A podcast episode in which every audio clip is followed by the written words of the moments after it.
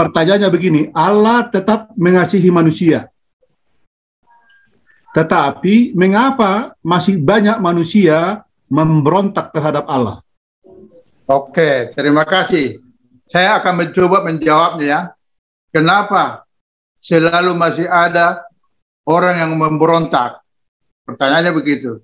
Mungkin orang yang memberontak itu tidak mengetahui bagaimana caranya uh, mengikuti firman-firman Tuhan itu. Itu adalah salah satu uh, kesulitan manusia itu. Kalau dia sadar akan kasih Allah itu, mungkin dia tidak akan berontak. Dia akan mengikuti seperti kita. Kita inilah, kita mengikuti uh, perintah-perintah Allah dan kita mengasihi. Kita buktikan bahwa kita juga berdoa, kita uh, ikut gereja, dan kita ikut diskusi. Kita juga mendengarkan seluruh firman-firman Tuhan. Itulah kita yang tidak memberontak. Kalau tidak kalau orang yang memberontak berarti orang yang tidak mengetahui akan firman-firman Tuhan ini. Jadi dia tidak bisa mungkin mengetahui. Itu kira-kira pendeta. Kenapa manusia itu memberontak? Tuhan itu maha pengasih.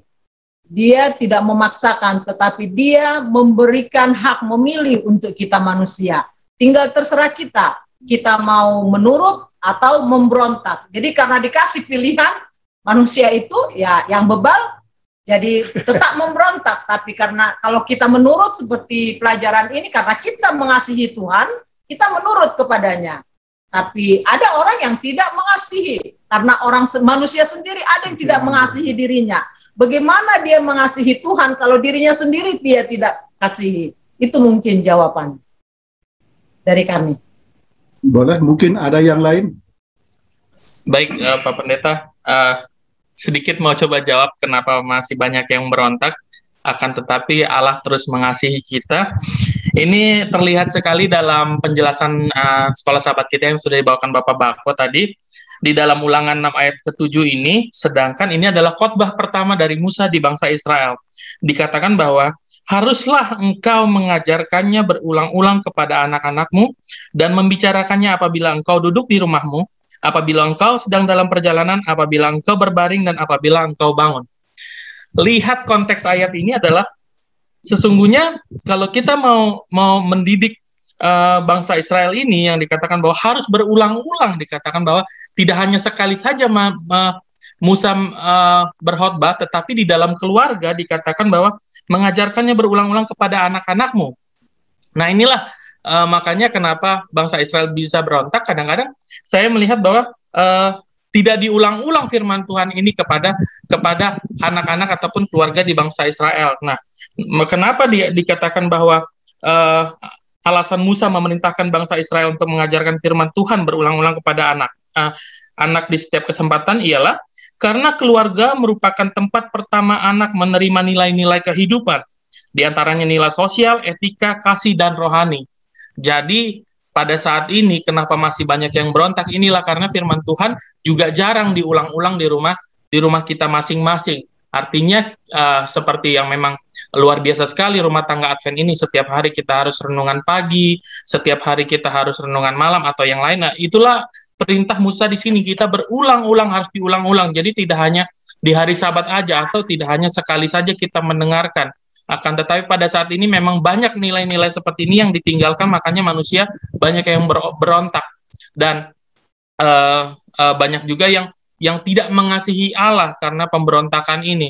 Kenapa kita juga tidak mengasihi? Karena kita tidak karena kalau kita sekarang melihat uh, sering mendengar bahwa uh, tak kenal maka tak sayang. Jadi uh, banyak di antara kita juga hanya mengenal begitu saja tidak mendalami bagaimana kita mendalami kasih Allah itu seperti yang dijelaskan Bapak Bapak Bako tadi bahwa kita harus mengetahui bagaimana Allah mengasihi kita, bagaimana Allah uh, memberikan kita uh, berkat-berkat yang luar biasa. Tapi kalau kita nggak mengerti, kita hanya sekilas saja dan itu menganggap menganggap bukan berkat yang Tuhan berikan kepada kita, otomatis kita pasti akan berontak. Maksudnya berontak dalam hal ini kita akan keluar dari jalurnya. Uh, mungkin itu sedikit tambahan Pak Pendeta. Oke, jadi terima kasih. Salah satu pelajaran yang penting kita lihat dari pelajaran ini walaupun manusia memberontak melawan Tuhan, Tuhan tetap mencintai manusia. Inilah hebatnya Tuhan itu. Jadi watak Tuhan itu menunggu kita manusia kapan kita sadar bertobat. Jadi kalau kita mendengar suaranya, kita akan selamat. Jadi kalau kita tidak mendengar terus-menerus atau terus-menerus menolak kasih Allah itu, ya kita akan binasa. Jadi keadilan, kasih, dan hukum bercium-ciuman bersama-sama di salib. Jadi dia terus menunggu dan menunggu kapan kita sadar. Jadi bukan begitu kita berdosa langsung dibinasakan. Tidak, Allah itu sangat panjang sabar. Tetapi jangan kita permainkan panjang sabarnya itu. Jadi biarlah kita sadar. Jadi watak Allah itu menunggu kapan Anda dan saya sadar.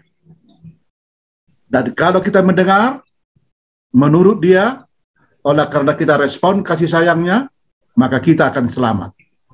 Tapi kalau kita terus-menerus menolaknya, ya bukan Tuhan yang tidak mengasihi, kita yang menolak terus-menerus.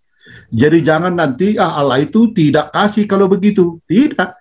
Justru dia kasih, dia adil, dia lakukan ini semua, tapi kita masih ditunggunya. Walaupun begitu besar dosamu dan dosaku, dia siap menunggu kita datanglah anakku kepadaku.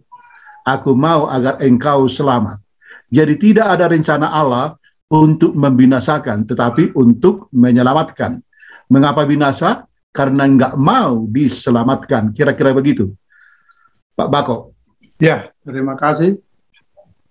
Mudah-mudahan ini menjadi salah satu ilustrasi yang bisa masuk pada pola pikir kita untuk membuka wawasan kita apa arti daripada kasih itu.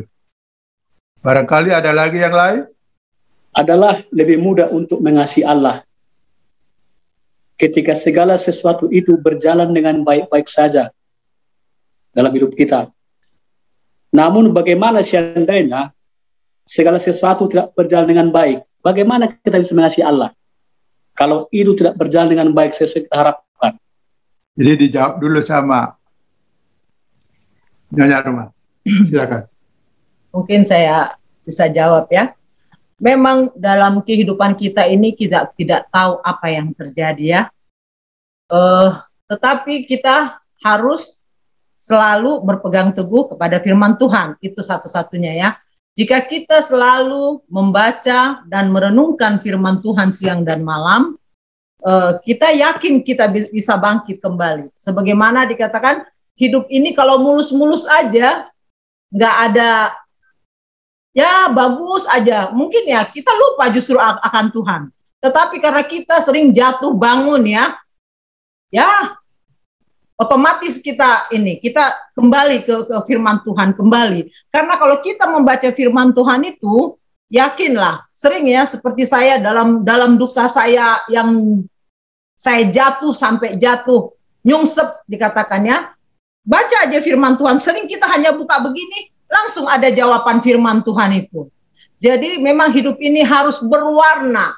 Jadi jangan kita harus meneri hanya menerima terus yang baik di dalam kehidupan ini. Tetapi saat kita jatuh, saat kita menerima cobaan itu, kita datang kepada Tuhan. Yakin dan percaya Tuhan akan berikan jalan. Jadi ya, secara manusia ya, secara ini seperti saya, saya tidak punya uang. Contohnya ini, saya tidak punya uang. Tapi saya bisa pergi ke mana-mana.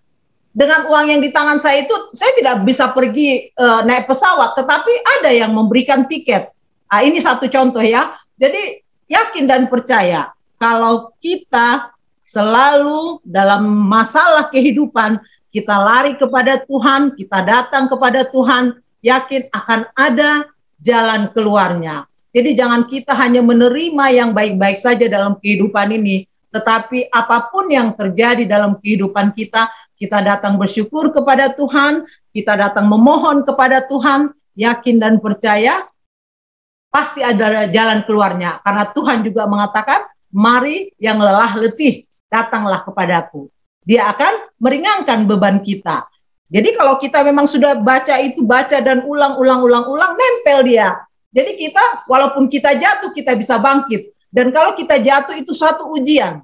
Dalam sekolah kita ujian, kalau kita lulus kita akan naik kelas. Demikian juga di dalam kehidupan ini. Dalam cobaan yang kita hadapi, mari kita datang kepada Tuhan dan bawa itu dalam doa dan yakin dan percaya dengan janji Tuhan kita akan lepas dan liwatkan itu masalah itu semuanya. Amin. Ya kira-kira begitu Pak Pendeta. Mungkin saya juga agak sama juga uh, jawabannya. Karena kalau ada orang yang memang terhimpit beban, marilah kepadaku, akan ku uh, selamatkan katanya kan, akan kuberikan keringanan. Ya itu aja sebenarnya kita harus pikirkan. Marilah kepada kita selalu diundang oleh Tuhan. Jangan salah. Kalau kita punya beban, kita diundang oleh Tuhan. Itu ayat itu undangan Tuhan. Uh, bagaimana kita bisa meminta mohon kepada Tuhan supaya kita di, diringankan beban kita itu. Itu saja mungkin Pak Pendeta. Terima kasih. Oke, baik. Jadi saya bukan mau menambahi, jadi sudah pas memang kita punya jawaban. Jadi ini tergantung kepada kita punya pengalaman di dalam perjalanan sekolah kehidupan. Ya, bahwa sebenarnya bahwa persoalan tidak pernah Tuhan berikan kepada kita. Tetapi dengan seizin Tuhan, persoalan-persoalan yang kita hadapi baik oleh karena ya keinginan kita atau juga oleh karena ya si setan ya kan, itu akan Tuhan izinkan. Tetapi ketika kita dalam keadaan terpuruk, ya, tetaplah kita mengasihi Tuhan. Karena terkadang saudaraku yang tanpa kita sadari di dalam kesusahan, kesulitan itulah ada pertolongan. Ingat perjalanan umat Israel. Karena kita belajar umat Israel. Ya. Nah, kata Shema ini saudaraku adalah sudah dimulai ketika mereka dituntun dari apa? Ya, dari tanah Mesir, Shema ya. Di mana Shema itu dalam bahasa Ibrani adalah dengar. Ya, dikatakan Shema Israel Adonai Elehu Adonai Ecap. Ya, dengarlah bangsa Israel bahwa Allah itu Allah kita Esa. Hanya dialah satu-satunya yang memberikan ya pertolongan, memberikan penyelamatan, memberikan penebusan, tidak ada yang lain. Ya. Nah, artinya ketika kita menghadapi masalah hanya ada satu. Kita punya apa? Kita punya kunci jawaban. Ya dalam kanda kutip kalau kita ya di bangku pendidikan ada kunci jawaban. Bila mana sudah kita temukan kunci jawaban, wah, saudaraku, begitu apa? Begitu senang kita ya di dalam menghadapi ujian yang sulit itu. Ya kan? Nah, jadi hanya dialah kunci jawaban kita. Sekalipun sulit, ya, sekalipun ada persoalan kehidupan, tetap kita mengasihi Allah. Ya, banyak lagu Sion mengatakan, dalam susah dan senang, Tuhan pimpinlah aku. Ya kan? Dan memang kita harus apa? Ya harus menyatakan kasih Allah kita walaupun dalam keadaan terpuruk. Ya, itu sesuai dengan kita punya pengalaman masing-masing. Terima kasih. Jawaban ya. Tentang pertanyaannya Pak Pendeta. Apa apa eh, bagaimana seandainya segala sesuatu tidak berjalan dengan baik? Jadi eh, manusia mungkin hanya bisa berencana, tapi apakah rencana kita akan berjalan sesuai dengan harapan kita atau tidak berjalan sesuai dengan harapan kita, itu adalah kehendak Tuhan. Kita hanya mampu berencana sebenarnya. Berencana dan kita lakukan sebaik mungkin. Tapi ada hal-hal di luar kendali kita yang mungkin itu akan mempengaruhi hasil dari rencana kita. Jadi, kalaupun ternyata hasil dari rencana kita tidak sesuai dengan harapan kita, dengan rencana dan rancangan yang sudah uh, kita buat, ya karena kita memulainya dalam nama Yesus, kita harus bisa menerimanya. Kemudian uh, apa namanya? Bagaimana kita bisa mengasihi kalau ternyata rancangan yang kita sudah buat dengan harapan yang begitu tinggi, ekspektasi yang begitu tinggi, supaya bisa berhasil ternyata gagal, hancur, dan sebagainya kita bisa belajar dari namanya sejarah. Sudah berapa uh, contoh kalau saya gitu ya sudah berusia uh, 30-an uh, 37 tahun. Sepanjang us 37 tahun uh, mengenal Tuhan, apa saja sih yang sudah saya pelajari tentang Tuhan? Apa saja yang sudah saya terima atas kebaikan-kebaikan Tuhan itu? Ya kalau kita mau mengingat sejarah kita, perjalanan kita bersama Tuhan, kita akan bisa mengasihi Tuhan walaupun di depan situ rencana kita nggak sesuai gitu. Jadi karena kita sudah pernah berjalan di bersama Tuhan, kita selalu mengingat waktu berjalan bersama Tuhan, masa-masa 37 tahun ke depan belakang nih untuk menjadi bekal pada saat kita punya rencana kita ke depannya. Makanya kan di dalam ulangan kan uh, Musa katakan harus kau uh, ceritakan berulang-ulang, ceritakan berulang-ulang supaya sejarah perjalanan berjalan bersama Tuhan itu itu tidak hilang. Kita tetap punya iman yang tetap dikuatkan karena kita sudah tahu kita sudah pernah berjalan dan kita masih ingin berjalan ke depan bersama Tuhan walaupun ternyata rancangan yang kita kira itu baik ternyata Tuhan tidak berkenan terhadap rancangan itu. Itu sih jadi uh, mungkin karena orang bisa bilang faith gitu ya, faith, iman gitu. Iman bisa terjadi pada saat sesaat. Tetapi iman juga bisa kita tumbuhkan. Caranya dengan kembali mengingat, bersyukur, oh waktu tahun segini saya berjalan bersama Tuhan, apa yang sudah Tuhan berikan. Tahun segini Tuhan memberikan uh, apa namanya jalan keluar untuk semua masalah saya. Oh tahun segini gitu dan sebagainya. Dan mungkin di tahun-tahun yang dulu yang kita kira Tuhan seperti meninggalkan kita, tapi ternyata Tuhan memberikan yang baru, itu akan memberikan kita semangat bahwa walaupun nih kita sudah merencanakan, kita melakukan, dan kita berharap itu yang terbaik buat kita, ternyata Tuhan tidak menghendaki sedemikian, ya kita tidak akan kehilangan keimanan kita gitu. Karena kita sudah punya sejarah, Tuhan tuh akan berjalan bersama kita. Itu sih, jadi mungkin supaya kita tetap mengasihi Tuhan walaupun rencana kita tidak berjalan sesuai dengan harapan, ya kita harus ingat kita punya sejarah berjalan bersama Tuhan. Itu aja. Terima kasih. Uh, itu pertanyaan yang perlu dijawab atau gimana kira-kira? Udah Mungkin tambahan itu mungkin amang. Amang Bako. Oh, ketambahan. Okay. Itu itu tambahan Baik. amang tua. Karena kan kalau misalnya okay. kita hanya bicara ya. masalah iman, kayaknya nah. sangat teoritis ya gitu dan ya, ya. saya saya menjelaskan supaya nggak terkesan teoritis ya kita harus belajar nah. dari namanya sejarah sama seperti. Suatu bangsa itu bagaimana sih bisa maju? Ya karena mereka juga punya sejarah sebelumnya. Kita kembali ke sejarah. Itu sih dari dari pandangan saya ya saya semoga bisa membantu prakteknya. Terima kasih. Mungkin masih ada pertanyaan dari saudara-saudara kita?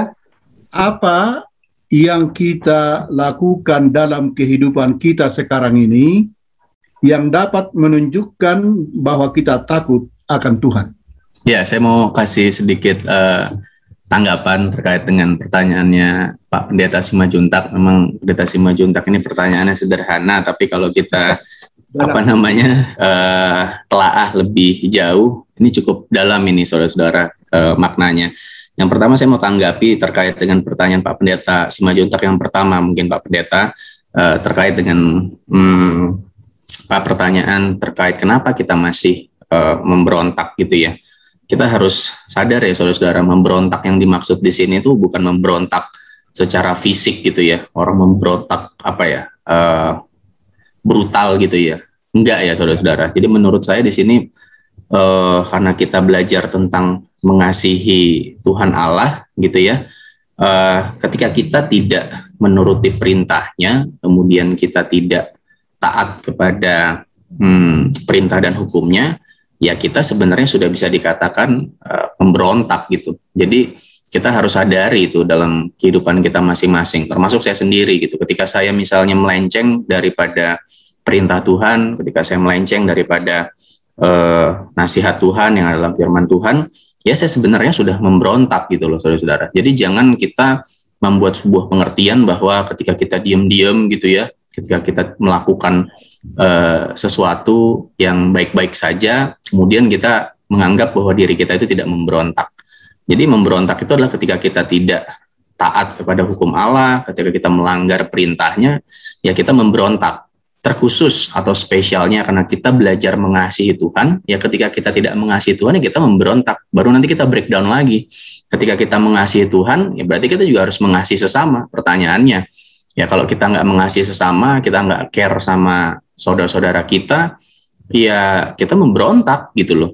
Jadi eh, sifat egois kita itu juga adalah sifat yang memberontak juga, saudara-saudara. Jadi jangan terlalu menyederhanakan apa ya sebuah pelajaran kita yang menurut saya maknanya sangat dalam sebenarnya gitu loh. Jadi uh, koreksi buat kita masing-masing bahwa ketika sekali lagi kita nggak care kepada sesama kita karena firman tu, uh, perintah Tuhan kan ya secara vertikal dan horizontal gitu ya. Jadi kalau kita nggak care kepada sesama kita, kita nggak care kepada uh, apa namanya Tuhan, walaupun Tuhan juga nggak butuh uh, perhatian kita juga gitu ya. Tapi ya itu adalah kategori apa memberontak karena nanti kita akan belajar di hari Kamis tentang pertanyaan mungkin ya mungkin bisa dikatakan apakah kita memberontak oleh karena kita tidak bisa melihat Allah secara langsung di pertanyaan paling paling bawah saudara-saudara. Jadi kadang saya berpikir bisa jadi ya karena kita nggak lihat fisik jadi kita nggak ada takut-takutnya nih sebagai manusia nih. Gas aja nih kita kita lakukan aja suka-suka siapa? Suka-suka kita gitu ya. Sekarang anak saya kalau uh, tingkahnya udah banyak suka berantak-berantakin dan udah ngerti kalau seandainya mamanya udah ngeliatin dia uh, dengan wajah yang yang apa namanya yang sangar gitu serius, dia takut tuh, dia takut, dia nggak mau lakukan lagi gitu. Nah, jadi pertanyaan hari Kamis ini relevan sebenarnya dengan kehidupan kita. Apakah kenapa kita memberontak, kenapa kita tidak menaati hukum Allah? bisa jadi apa karena kita tidak melihat Tuhan secara langsung ya gitu loh. Jadi kalau saya saya lihat bahwa kalau saya kita melakukan pelanggaran kemudian Tuhan lihat dengan mata gitu ya, mata kepala secara langsung lihat ke kita, kita pasti takut sih. Pasti kita merasakan bahwa uh, apa namanya uh, segala perbuatan kita apa dipantau. Tapi itulah baiknya Tuhan, bukan sebuah kelemahan, tapi itulah kasihnya Tuhan. Dia memberikan apa? memberikan kepada kita sebuah kebebasan untuk bisa berekspresi, ya kan, untuk bisa apa e, melakukan segala sesuatu dengan apa, dengan e, sesuai dengan kehendak Tuhan. Saya pikir itu tanggapan saya kalau di, disambungkan dengan pertanyaan Pak Pendeta yang kedua, kenapa apa bentuk atau cara kita dengan takut akan Tuhan? Saya pikir sesederhana dengan kita menuruti perintahnya, ya kan, menaati hukumnya, kemudian e, secara garis besar ya tentu menjadi pribadi yang bisa uh, apa namanya uh, menjadikan Tuhan sebagai apa pedoman di dalam apa dalam uh, kehidupan kita. Jadi sebenarnya maknanya cukup uh, mendalam saudara-saudara kalau kita mau uh, telaah lebih dalam. Saya pikir itu Bapak Tua. Terima kasih. Ini cukup bagus sekali jawaban dari Pak Utabarat ini. Terima kasih Pak Utabarat. Nah, sebagai kesimpulan, saya serahkan kepada Pak Pendeta Simorakir. Jadi memang butuh pengorbanan. Karena memang kasih itulah pengorbanan, sacrifice. Karena memang fungsi daripada garis-garis itu baik garis ke samping maupun garis dari bawah, dari atas ke bawah, itu mengartikan sacrifice. Oleh mana wujud daripada kasih Allah itu adalah dia harus apa? Dia harus berkorban, memberikan apa? Nyawanya. Jadi maka selaku mari kita ya mengasihi Tuhan Allah. Ya, jadi kasih kasih kepada sama manusia dan juga kasih kepada kepada Tuhan. Di dalam Matius ya ayat uh, Matius 22 ayat 37 tadi, 38. Kalau di perjanjian baru. Kalau di dalam perjanjian lama ulangan nama 5. Jadi dua ayat dua dua versi ini adalah satu kesatuan. Ya, supaya kita boleh mengasihi Tuhan dengan segenap apa? kehidupan kita, termasuk sana jiwa, kekuatan, hati, apa yang Tuhan sudah berikan kepada kita. Mari kita mengasihi Tuhan dan akan terlihatlah itu hubungannya dengan apa? Sesama kita manusia. Tuhan memberkati kita.